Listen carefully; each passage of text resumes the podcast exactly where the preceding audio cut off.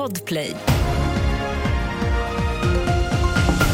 Här är senaste nytt. En 15-årig pojke döms för mord till fyra års sluten ungdomsvård efter det uppmärksammade mordet på en jämnårig pojke i Skogås centrum söder om Stockholm i januari. Det här meddelar Södertörns tingsrätt. Tio personer åtalades totalt sett. Fyra friades, två 18-åringar döms bland annat för medhjälp till mord. Motivet till mord uppges ha varit hämnd för en skjutning mot Foxtrot-nätverkets ledare Rawa Majids pappa. Samtliga dömda har nekat till brott. Vi hör kriminalreporter Therese Cedergren. Det är ganska väntat ska jag säga, eh, för åklagarsidan har hela tiden hävdat att han ska dömas till fyra års sluten ungdomsvård, vilket ju är maxstraffet för, för barn i den här åldern.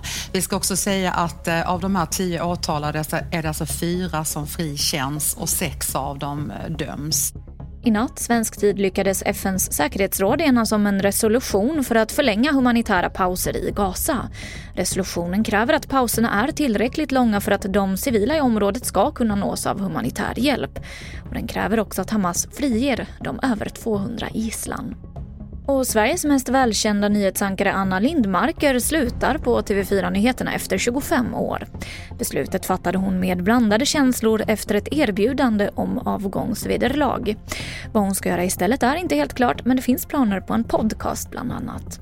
Mer nyheter på tv4.se. Jag heter Emily Olsson.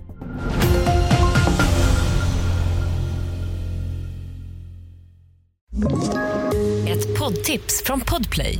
I fallen jag aldrig glömmer djupdyker Hasse Aro i arbetet bakom några av Sveriges mest uppseendeväckande brottsutredningar. Går vi in med hemlig telefonavlyssning och, och då upplever vi att vi får en total förändring av hans beteende. Vad är det som händer nu? Vem är det som läcker? Och så säger han att jag är kriminell, jag har varit kriminell i hela mitt liv men att mörda ett barn, där går min gräns. Nya säsongen av Fallen jag aldrig glömmer på Podplay.